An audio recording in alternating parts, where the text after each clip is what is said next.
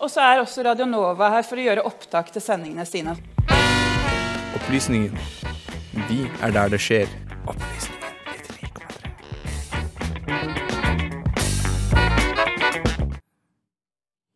Apropos å være der det skjer. Uh, we talked a little bit earlier about sending our uh, reporters to the Nobel Peace Prize institution. And there we also have some international students with us. Uh, Maylis, can you hear me? Yes, I can. Hello. Hello.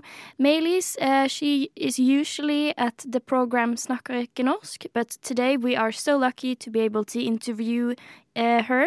Uh, how is the uh, mood where you are? Um, for us, it's very stressful because it's our first time here, but it's so nice because everyone is uh, giving us advice and everyone is waiting for the big announcement. That sounds like uh, fun. um, and the, the first Nobel Peace Prize was handed out in 1901, and since then it's been handed out uh, over a hundred times.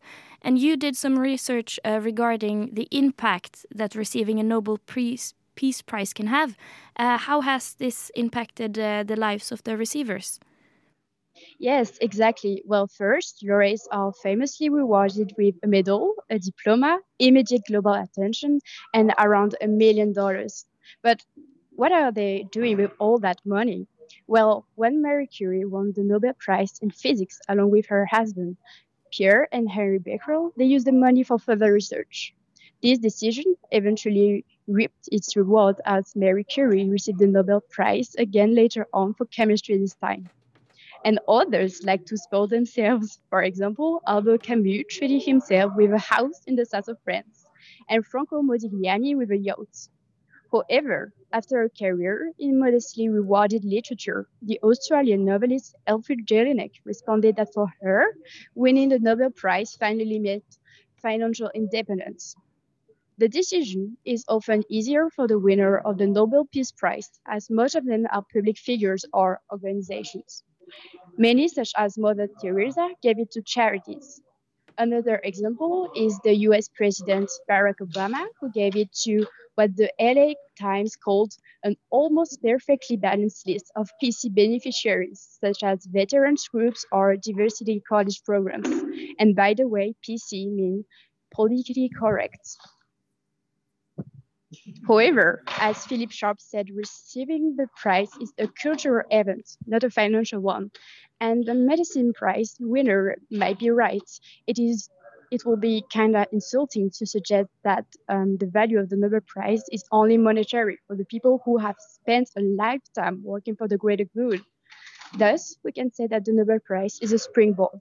In fact, laureates are given a voice. Desmond Tutu himself said one day no one was listening, and the next day I was an oracle. In addition, most of the winners are given powerful academic posts or high level government positions.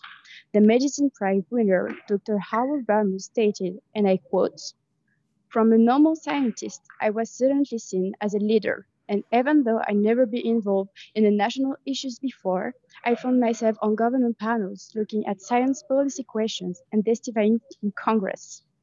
But some of them struggle with handling it. Harry Croto, who won the chemistry prize, said that he is continu- continuously busy giving lectures, while some of them are not even related to science. And that's the thing. The Nobel Prize can change people's attitude toward the winners who are treated as voices of authority on all topics.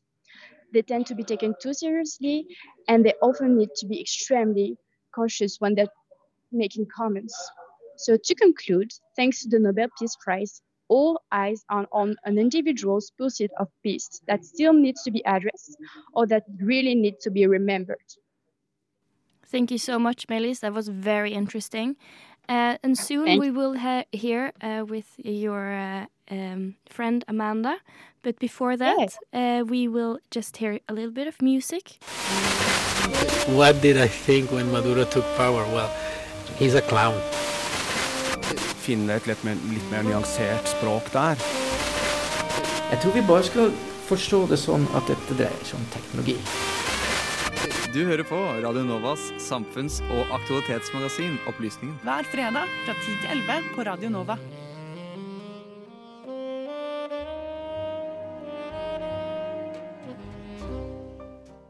And we are back. Uh, we are still gonna be uh, talking English here at Opplysningen because we're gonna talk to Amanda, another international student from Snakker ikke norsk. Can you hear me, Amanda? Yes, I can. Hello. How are you doing?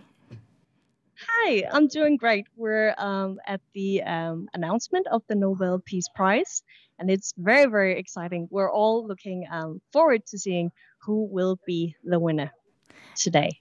And we just talked to Melis about the, the impact of receiving receiving a Nobel Peace Prize. Uh, but I wanted to talk to you, Amanda, about uh, the process of receiving a nomination. Is the method of selecting the Nobel Peace Prize nominees actually objective?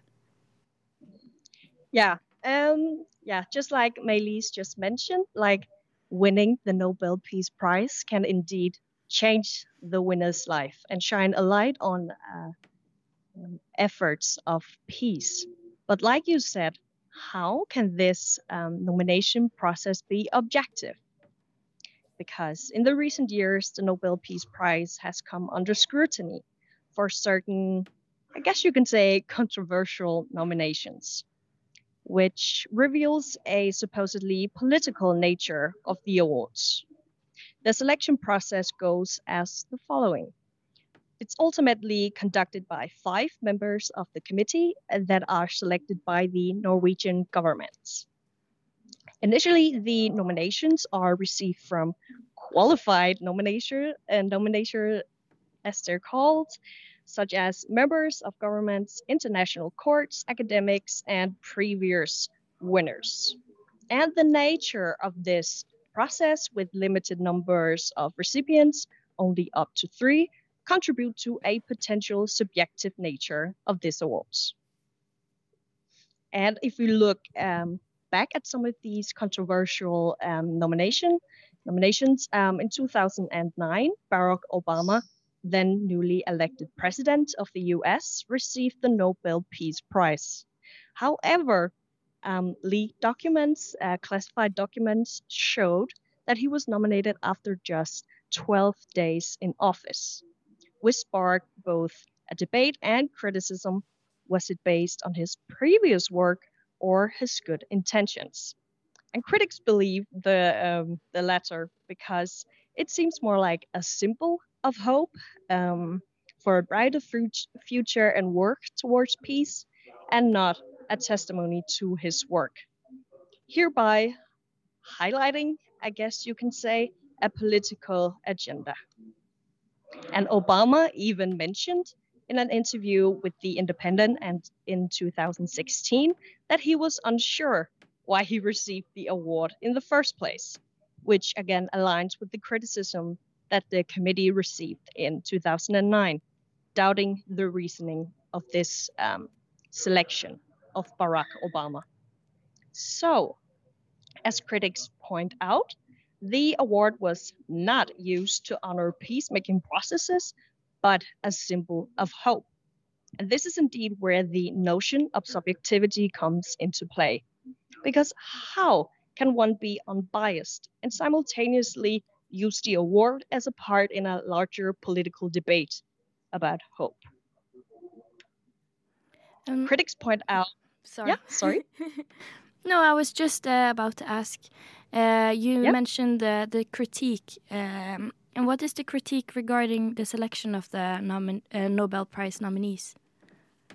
Yeah, um, because there has been a tendency, or critics have pointed out that there has been a tendency um, that geopolitical um, and political underlying agendas have contributed to the selection and nomination of these Nobel um, Peace Prize winners because um, there will always be an underlying ideology from a specific party. And how do you stay objective when ideology and political decision making go hand in hand, I guess you can say. Um, so that has been the main criticism like, what is the foundations of these nominations? Is it actually uh, like only an honor, or are there bigger agendas um, coming into, I guess, play in this decision making. But I find it very important to also mention that this alleged bias hasn't been involved in all nomination processes throughout uh, the history of the nominations. Many, many winners um, and nominees um, have been nominated because of their work towards peace and not only their intentions to do so. Amongst these are, for example, Martin Luther King, Malala, and of course, the first uh, ever winner, Henry Duterte. And organizations such as the International Committee of the Red Cross, United Nations, and the organizations for the prohib prohibition sorry, of chemical weapons are just a few worth mentioning.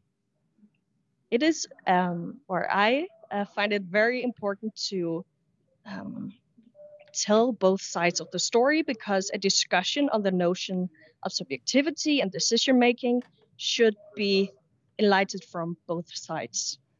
And to conclude this um, discussion on the notion of subjectivity, um, it is, of course, very, very important to um, mention, like Meili said, that the Nobel Peace Prize is an essential part of international activism and peacemaking efforts.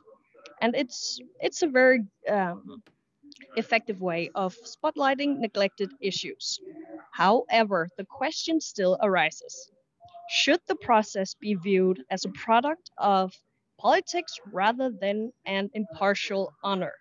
The history of the award, of course, uh, points in both directions. However, the question still remains from the critics do political agendas, agendas supersede objective honoring processes and thereby um, not honoring um, the Nobel's um, primary foundation of the nomination process. Yes. Yeah. Sorry, uh, that's a very interesting thought, Amanda. Thank you so much for being on our show, and I recommend oh, for and I recommend for all of our listeners to go and listen to Snakker norsk, where you can find these lovely ladies. Um, if you want to listen to them talk you. more. but now I will uh, go over to some music before we will talk to Runa. Opplysningen på Radio Nova. Hei, hei. Da er vi med meg igjen, og nå skal vi til noe fryktelig spennende. Eh, vår eh, rapporter Runa Årskog er med Nobelinstituttet i dag. Og hun har innsikt er over hvordan Nobelkomiteen tildeler prisen. Så da, Rune Når Hallo. vi har hørt litt om hva fredprisen er, så kan du fortelle oss litt om hva kriteriene er som er oppfylles for å vinne. Det kan jeg, vet du. Det er faktisk bare tre kriterier. Det ene er reduksjon av militære styrker.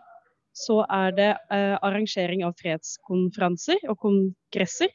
Og det siste er noe som heter nasjonens forbrødring, som er et utrolig rart begrep. Og det er utrolig vidt. Sånn at eh, Nobelkommisjonen har jo hatt muligheten til å tolke den siste delen akkurat sånn som de vil, med tanke på at det betyr å skape samhold eller fred. Det betyr også at man kommer nærmere hverandre. Og i visse uttrykk i enkelte land så kan det bety at, eh, det betyr at man går på puben og forbrødrer seg med hverandre, altså kommer nærmere hverandre. Så det er utrolig vidt begrep.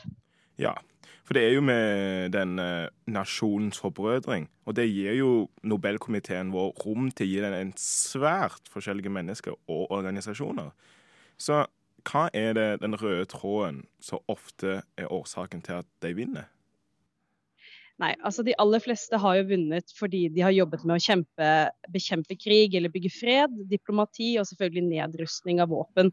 Det er jo den generelle tendensen. Eh, men så har vi jo en del andre som har vunnet for andre ting, bl.a. Kailash Satyarthi og Malala Yousafzai, som har vunnet fordi de har kjempet for barn og unges rett til utdanning. Og så har vi Dennis Mukwege og Nadia Murad, som har kjempet for, eller mot seksuell vold eh, som bruk av våpen i krig eh, som går litt mer på dette med kvinnerettigheter osv. Og så har du World, World Food Program, som eh, skal sikre mat til konfliktområder. Eh, og som har gjort disse områdene i konfliktområder mye bedre å være i. Så det har jo vært en rekke andre grunner til at folk har vunnet. Eh, vi har jo mange eksempler. Kjemping, utkjemping av likestilling, eh, ytringsfrihet, utdanning, til og med økonomisk vekst har eh, vært bakgrunnen for at noen har vunnet. Og det er jo fordi at man trenger jo bare å bestå én av de tre kriteriene for å vinne Nobelprisen. OK. Så i det siste, da, så er det noen tendenser du ser på de som vinner?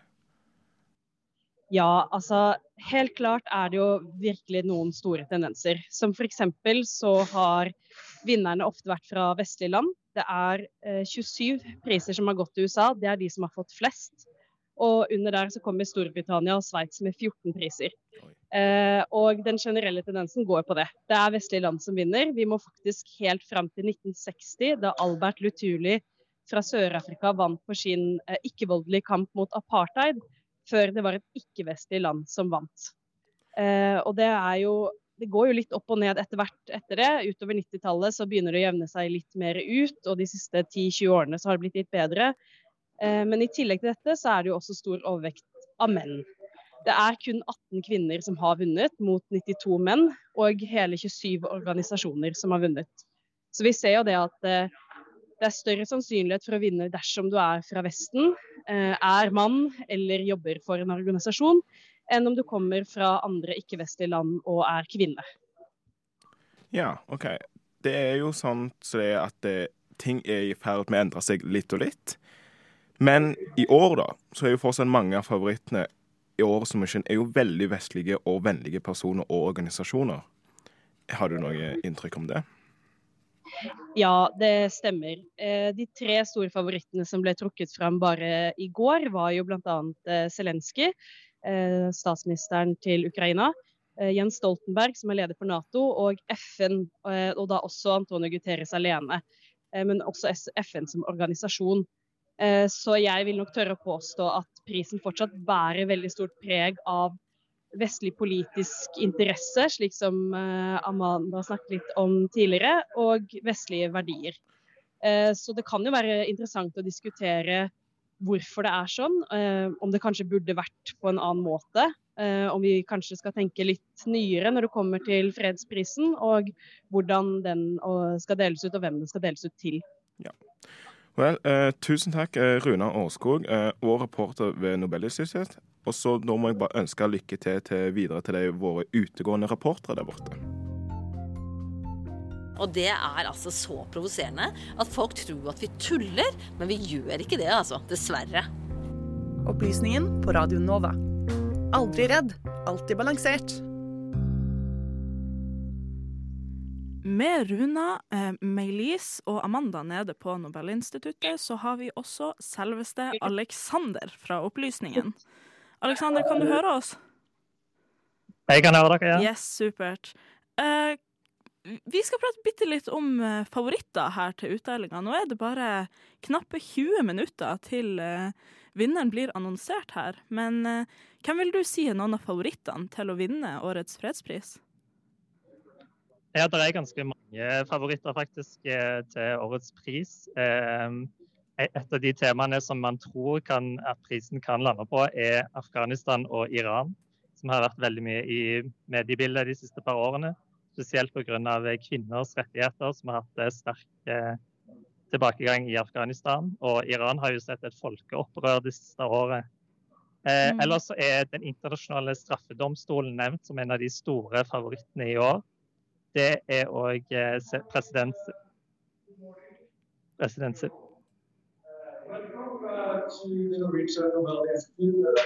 Oi.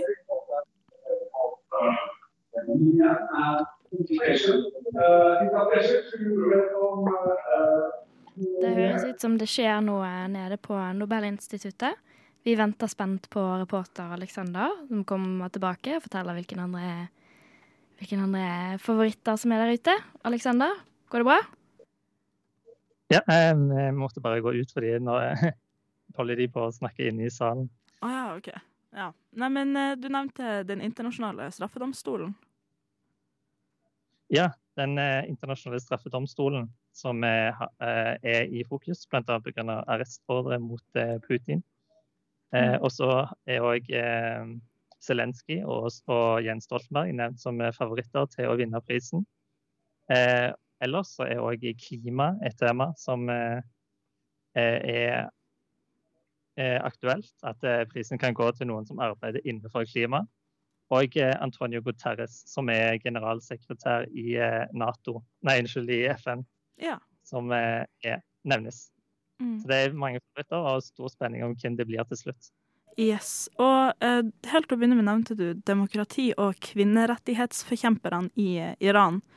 Eh, kan du si noe om hva som taler for eh, at de her kommer til å, å vinne? Um, ja, det eh, kan eh, være for å at verden, vise at verden følger med på det som skjer i Iran Mm. og, og Afghanistan, og gi en oppmuntring der. Pluss at det er kjente, kjente kandidater, eh, tror man, som har blitt, eh, kan ha blitt nominert år etter år, som kanskje nå til slutt eh, får prisen. Ja. Og eh, det er òg et eh, 75-årsjubileum nå for eh, menneskerettighetserklæringen, som kan passe godt med en pris på det feltet i år. Ja. Er det noe som, eh, kan man si da, taler imot at de vil vinne? Det er at, annet at man vet ikke helt hvem kan komme for å motta denne prisen. For i Iran så er flere av aktivistene i fengsel. Og eh, i Afghanistan så er jo òg situasjonen vanskelig. Ja. Og eh, du, du nevnte jo mange, mange eksempler her. Blant annet du sa at Den internasjonale straffedomstolen er en eh, stor favoritt. Kan du gå litt nærmere inn på, på dem? Em, Den internasjonale straffedomstolen spiller en viktig rolle for å løse konflikter i verden. De jobber med veldig mange forskjellige eh, konflikter. Eh, Så hvis Nobelkomiteen velger de, så kan de eh, gi et signal om at en regelstyrt, regelstyrt verden er viktig. Og en, en, en viktig komponent for å sikre freden i verden. Mm. Og så er det òg en aktuell pris, fordi det er en arrestordre på Putin, presidenten i Russland, og barneombudet i Russland, som ble støtt stett ut for ca. et halvt år siden. Ja. Og den ble da sendt ut av det internasjonale, eller ICC, som det også kalles. Ja, riktig. Yes, ikke sant. Og det var jo mange, mange enkeltnavn også, blant annet Jens Stoltenberg. Uh, Jens Stoltenberg, er det da gjennom Nato at han, uh, at han er en uh, kandidat her? Ja, det ville da være i kraft av sin rolle som generalsekretær for Nato. Og den eh, rollen han har spilt der, eh, bl.a. Eh, kanskje i forbindelse med utvidelsen av Nato, og sørge for at eh, Nato ikke kommer i en direkte konflikt med Russland, men eh, der, og dermed sørge for at eh, freden da, i Europa utenom Ukraina og Russland bevares. Mm. Yes, ikke sant. Og klima nevnte du. Der er det jo kanskje et navn som er eh, nesten en litt sånn selvfølge å ta opp når man snakker om, eh, om klimaaktivist. Det er vel Greta Thunberg. Det er Greta Thunberg som nevnes, men det er faktisk òg et annet navn. eh, En betraktelig eldre person som heter David Attenborough, som nevnes som en mulig kandidat til prisen. Oh, ja. Men jeg, ja. Men eh, Greta Thunberg òg er med i spekulasjonene her. Mm. Og det virker det sannsynlig at, eh, at en klimaaktivist eller eh, så, som Greta eller eh, David da vil, vil nå toppen, tror du? Det, jeg tror det er en god sjanse for det, men det er òg en del som taler imot det. Bl.a. at eh, fredsprisen har gått til klimaaktivister tidligere. Mm. Bl.a. i 2007, så ikke så veldig lenge siden. Så spørsmålet er om det er kanskje for tidlig om å gi prisen på det feltet igjen. Om, man, eh, om det er andre områder som er mer eh, eh, presserende da, å gi eh, prisen på nå, kan man si. Ja. Og nå er det faktisk bare knappe kvarteret til eh, eh, vinneren blir annonsert. Så hvis du, Alexander, kan Du, du, du som er nede i eh, the belly of the beast, kan man si. Hvis du kan ta på deg spåhatten, da, hvis man eh, sier det. Hvem tror du blir å vinne? Jeg tror at eh, prisen går enten til den internasjonale straffedomstolen eller til aktivister fra Afghanistan og Iran. Det er liksom den følelsen jeg har da, at det, der svirrer ryktene mest, og der eh, går prisen i år. Men eh, det er veldig mange favoritter, så det, jeg vil si det er ganske åpent. Det blir veldig, veldig spennende. Mm, ja, ikke sant. Ja, men dere får ha masse lykke til der eh, videre ned på instituttet. Jo, tusen takk. Vi følger med på alt som skjer her. Og eh, hvis du skulle lure eh, på hvem som kommer til å vinne, så blir det da som sagt annonsert om 15 minutter.